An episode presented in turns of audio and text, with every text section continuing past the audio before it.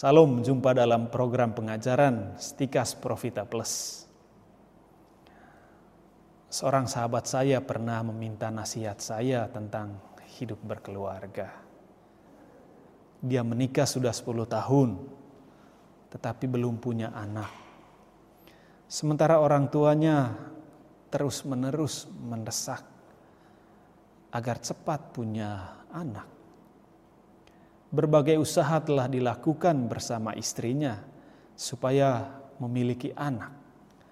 Mereka pergi dari dokter yang satu, dokter kandungan, ya, dari dokter kandungan yang satu ke dokter kandungan yang lain. Tetapi hasilnya masih nihil, belum. Mereka juga sudah berdoa kepada Tuhan supaya diberi keturunan, tetapi rupanya belum dijawab juga. Mereka hampir putus asa menghadapi persoalan demikian. Sementara itu, orang tua sang suami terus menuntut supaya mereka punya anak. Nah, yang lebih menyedihkan, orang tuanya bahkan menyarankan anaknya untuk menceraikan istrinya dan nikah dengan perempuan lain yang dapat memberikan keturunan Sesungguhnya meskipun keduanya tidak memiliki anak, mereka tetap saling mencintai, hidup mereka bahagia. Sebagai suami istri, mereka mencapai kesejahteraan sebagai sebuah keluarga. Hanya satu hal yang kurang, mereka belum mempunyai anak. Nah, bolehkah seorang suami menceraikan istrinya yang demikian?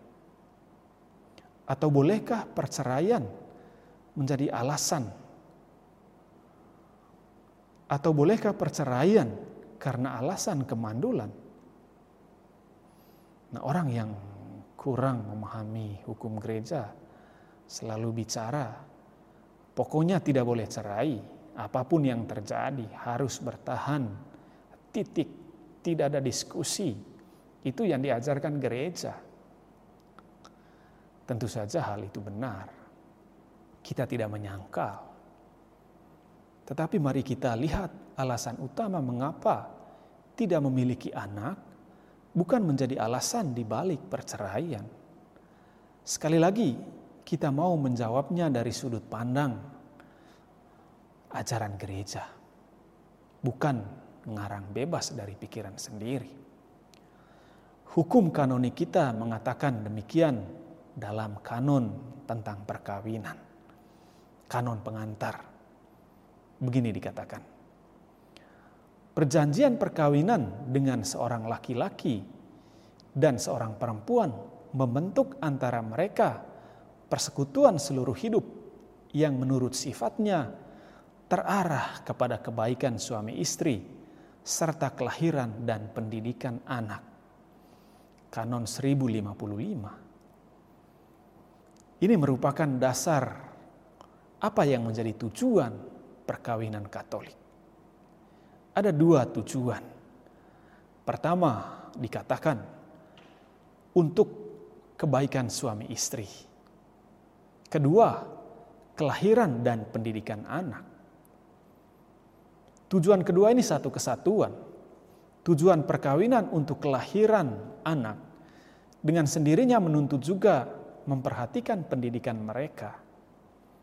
Nah, dalam hukum lama, yaitu hukum gereja tahun 1917 disahkan 1917, kelahiran dan pendidikan anak dilihat sebagai tujuan yang paling utama. Ini berada di urutan pertama dalam susunannya dan dilihat sebagai lebih penting dari yang lain. Tetapi ada juga tujuan yang kedua, yaitu agar suami istri saling menolong. Artinya tujuan perkawinan adalah kebaikan dan kesejahteraan suami istri.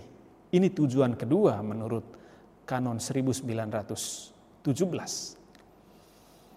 Nah, dalam hukum gereja yang sekarang yang disahkan oleh Yohanes Paulus II 1983 menekankan tujuan yang sama sebetulnya meskipun dalam urutan yang berbeda.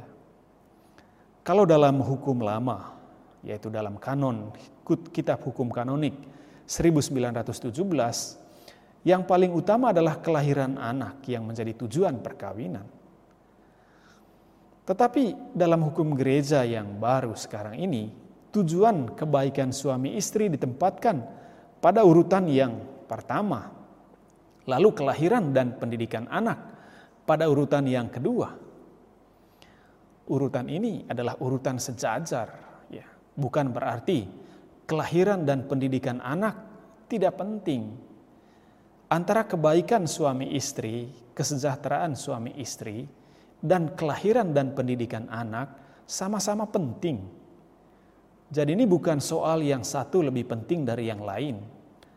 Keduanya penting untuk perkawinan Katolik. Lalu apa sih maksud tujuan perkawinan Katolik untuk kebaikan suami istri? Ya maknanya ini kan luas. Ya. Kebaikan suami istri tidak lain adalah kebahagiaan mereka. Perkawinan dilihat sebagai persekutuan dua pribadi yang memiliki derajat yang sama. Artinya ada persamaan derajat, ada emansipasi dalam bahasa kita. Bukan suami lebih tinggi derajatnya dari istrinya, istrinya lebih rendah, atau suami bebas memperlakukan istrinya. Demikian juga sebaliknya. Ya. Meskipun mereka menjadi satu daging, mereka saling menghormati. Itu dikatakan dalam Konsili Vatikan kedua, dalam Gaudium et Spes 48. Keduanya adalah pribadi yang sejajar bukan memperlakukan pasangan seperti pembantu yang kerjanya hanya melayani, mencuci baju, memasak, ngapel, setrika, belanja di pasar, atau hanya menjadikan pasangan sebagai ATM, dikeruk harta kekayaannya, disuruh kerja keras demi keuntungan salah satu pasangan. Ya tidak demikian. Kebaikan suami istri termasuk juga bahwa mereka saling memberi dan menerima dalam relasi seksual sebagai suami istri. Bahkan dalam perkawinan gereja Katolik, perkawinan akan sah kalau disempurnakan dengan relasi seksual suami istri. Kebaikan suami istri mencakup juga pemenuhan kebutuhan lahir batin, kebutuhan materi, juga memberi kebebasan kepada pasangan untuk mengembangkan dirinya, untuk maju, bukan mengekang pasangan. Secara negatif, ya, secara negatif, kebaikan suami istri berarti tidak berlaku kasar kepada pasangan. Tidak ada KDRT lah bahasa sekarang. Tidak menjadikan pasangan sebagai pembantu atau babu, yang siap melayani 24 jam. Juga tidak menjauhkan pasangan dari praktek keagamaannya, praktek imannya, melarang pasangan ke gereja, aktif dalam kegiatan gereja. Juga berkaitan dengan tidak mengajak pasangan berbuat jahat, tidak bersekongkol untuk berbuat jahat. Di atas semuanya kebaikan suami istri berarti mereka saling mengasihi satu sama lain dalam untung dan malang, dalam suka dan duka, seperti dalam perjanjian perkawinan saat di gereja. Singkatnya tujuan kebaikan suami istri berkaitan dengan hidup mereka sendiri, berkaitan dengan kebahagiaan mereka sendiri. Ya, kita paham sampai di sini. Sekarang tujuan kedua, yaitu kelahiran dan pendidikan anak. Nah ini menarik. Kelahiran anak dilihat sebagai karunia dan mahkota hubungan timbal balik suami istri. Tetapi tujuan ini tidak hanya sampai pada kelahiran anak, tetapi juga bagaimana mendidik mereka secara Katolik. Ya. Pendidikan anak-anak adalah bagian dari tujuan perkawinan Katolik. Ada keluarga yang ya yang beranak pinak, beranak terus, beranak terus.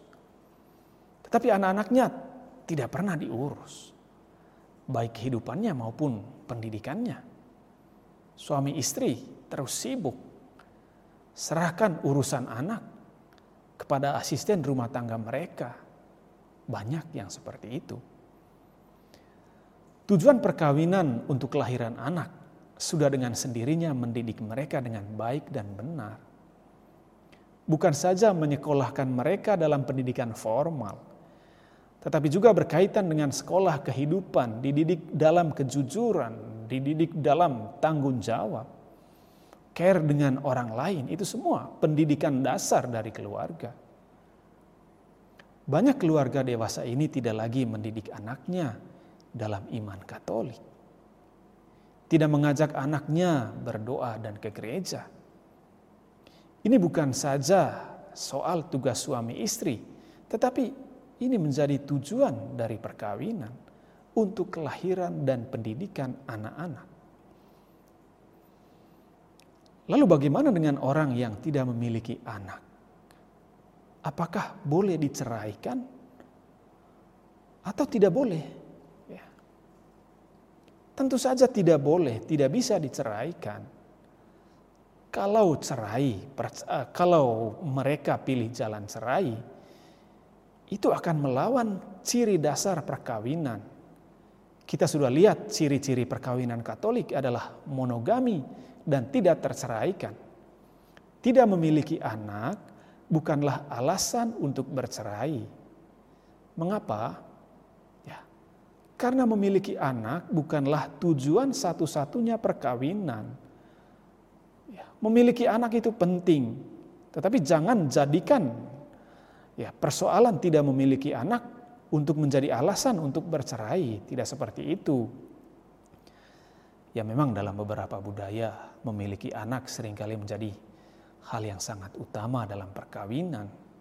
Sehingga kalau tidak memiliki anak dengan gampang mereka minta pisah atau cerai. Ya, apalagi dari keluarga yang berada yang memerlukan pewaris bagi keluarga nanti, ya. Berbeda dengan perkawinan Katolik maka meskipun satu keluarga, ya, suami istri yang menikah Katolik tidak memiliki anak karena pasangannya mandul, ya atau karena alasan lain, ini sama sekali bukan menjadi dasar untuk perceraian. Saya tahu ada banyak keluarga Katolik yang tidak memiliki anak juga, tetapi mereka hidup bahagia Nah, itu bukan karena mereka tidak mau memiliki anak, tetapi karena tidak bisa atau karena mandul, ya.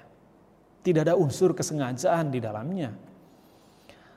Maka mereka tetap setia sampai mati meskipun tidak memiliki anak. Maka jelas di sini tidak punya anak bukan alasan untuk bercerai. Memang di satu pihak memiliki anak memperlihatkan keluarga tersebut mencapai tujuannya tetapi sering kali keluarga yang memiliki anak pun belum tentu mengalami kebahagiaan dalam perkawinan. Maka kita tidak boleh berpikir bahwa tujuan satu-satunya perkawinan adalah memiliki anak. Ya, itu sangat penting. Anak harus dilihat sebagai anugerah Tuhan. Nah, kalau anugerah ini belum diterima atau tidak diterima, bahkan tidak berarti keluarga itu tidak sempurna dan tidak mencapai tujuannya. Nah, tentang memiliki anak seperti yang telah kita lihat ya. Ini merupakan tujuan perkawinan Katolik. Kalau tadi ada orang yang mau memiliki anak tetapi tidak memilikinya ya, belum diberikan, ya, belum mempunyainya. Ada juga ekstrim lain yaitu tidak mau memiliki anak tidak mau memiliki anak. Artinya dengan sengaja, dengan tahu dan mau, berdasarkan keputusan suami istri, tidak ingin, tidak mau memiliki anak. Nah ini mentalitas modern yang banyak terjadi di negara-negara maju seperti di Eropa, tetapi sesungguhnya ada juga di tempat kita. Memiliki dan tidak memiliki anak, ya seolah-olah bagi mereka suatu pilihan Ini lahir dari mentalitas kebebasan dunia modern. Ya, mereka memang bahagia dan tetap setia seumur hidup. Tetapi dengan sengaja mereka tidak mau punya anak. Seringkali rahim istri, ya apa istilahnya, disteril untuk mencegah pembuahan. Kadang mereka lebih suka ya memiliki anjing daripada memiliki anak. Ingat ya, oleh kita semua, tidak pernah disebut tujuan perkawinan Katolik untuk memiliki anjing atau memiliki binatang kesayangan. Tetapi jelas untuk kelahiran dan pendidikan anak, untuk memiliki anak. Ya bukan berarti bahwa saudara tidak boleh memiliki binatang kesayangan. Ya. Tapi itu bukanlah tujuan perkawinan, tujuan hidup berkeluarga, bukan itu. Saya masih ingat ketika saya sedang menunggu kereta pulang dari kuliah di Roma, ya, di salah satu stasiun, ya, saya menyaksikan seorang ibu menggendong dengan penuh kasih sayang seekor anjing kesayangannya. Sementara dia membiarkan bayinya dalam keranjang. Ketika bayinya nangis, dia bentak-bentak, dia marah-marah. Sementara anjingnya dia elus-elus dengan penuh kasih sayang. Meskipun anjing itu tidak pernah memintanya. Anjing itu tidak pernah meminta supaya dia mengelus-elusnya. Ya. Jadi saudara, ya betapa ya tragisnya kehidupan demikian. Ya. Memiliki anak sebetulnya tujuan natural perkawinan. Tentu saja banyak alasan yang dikemukakan orang yang tidak mau memiliki anak. Ya misalnya yang saya tahu, mereka berpendapat memiliki anak itu merepotkan. Ya, ada juga yang berpendapat ya mereka merasa tidak mampu mengurusi anak ya karena alasan ekonomi. Nanti kasihan anaknya pertumbuhannya kurang baik. Ya. Kalau dengan sengaja tidak mau memiliki anak, ya kita sudah melenceng dari tujuan perkawinan Katolik. Sekali lagi, kalau dengan sengaja menghindari kelahiran anak, meskipun mampu, ya, keluarga itu tidak mandul, mampu melakukannya, perkawinan itu belum mencapai tujuan. Kan lain halnya dengan kasus orang mandul sehingga dia tidak memiliki anak. Itu kan dilakukan dengan tidak sengaja tidak ada unsur kesengajaan di dalamnya. Ada niat dan keinginan untuk memiliki anak, tetapi belum mendapatkannya. Itu bukan menghindari kelahiran anak dan pendidikannya. Tetapi ada suatu kekurangan sehingga salah satu tujuan perkawinan belum tercapai. Tetapi itu tidak pernah menjadi alasan untuk bercerai. Dan setelah cerai, suami atau istrinya nikah lagi untuk mendapatkan anak. Atau ada juga yang tidak cerai dengan istrinya, yang tidak memiliki anak yang mandul tersebut, tetapi nikah lagi demi mendapatkan anak. Nah ini kan berlawanan dengan sifat dasar perkawinan monogami. Nah demikianlah saudara-saudara tujuan perkawinan Katolik sebagaimana dikatakan dalam hukum gereja yaitu untuk kebaikan pasangan suami istri dan untuk kelahiran dan pendidikan anak. Kalau ini adalah hukum, ya ini berarti mengikat semua pasangan Katolik yang menikah. Tujuannya untuk kebaikan. Meskipun pasangannya berbeda keyakinan ataupun tidak beragama, kedua tujuan ini tetap menjadi hal yang sangat mendasar dalam keluarga. Salam Profita. Tuhan memberkati saudara.